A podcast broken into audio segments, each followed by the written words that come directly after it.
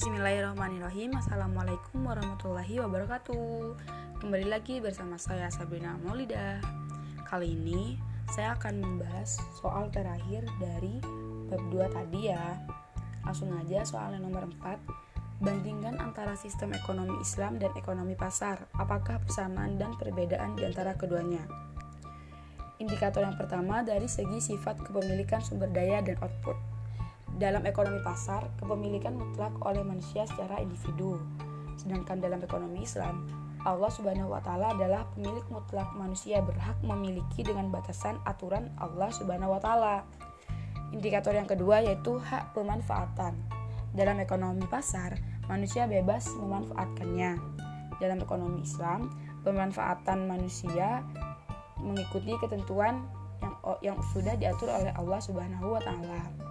Indikator yang ketiga yaitu prioritas kepemilikan. Dalam ekonomi pasar, hak milik individual dijunjung tinggi, sedangkan dalam ekonomi Islam, tiga hak milik sekaligus individu, umum, dan negara. Indikator yang keempat yaitu peran individu dan negara.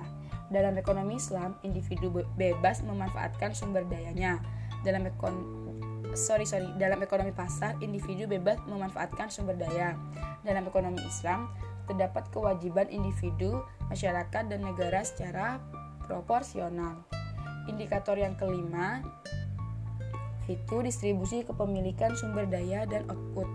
Dalam ekonomi pasar bertumpu pada mekanisme pasar. Sedangkan dalam ekonomi Islam pasar pemerintah dan masyarakat dengan mengikuti aturan dalam Al-Quran dan As-Sunnah Indikator yang keenam, tanggung jawab pemanfaatan.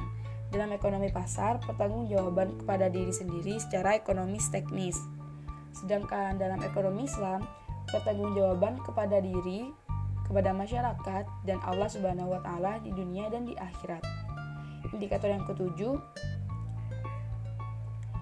contohnya yang mendekati dalam ekonomi pasar yaitu Amerika Serikat, Kanada, negara dan Eropa Barat. Dalam ekonomi Islam, yaitu negara yang keuangan Islamnya berkembang seperti Arab, Saudi, Malaysia, Uni Emirat, Arab, Kuwait, Qatar, Turki, Indonesia, Bahrain, dan Pakistan. Segitu aja jawaban dari soal nomor 4. Terima kasih. Wassalamualaikum warahmatullahi wabarakatuh.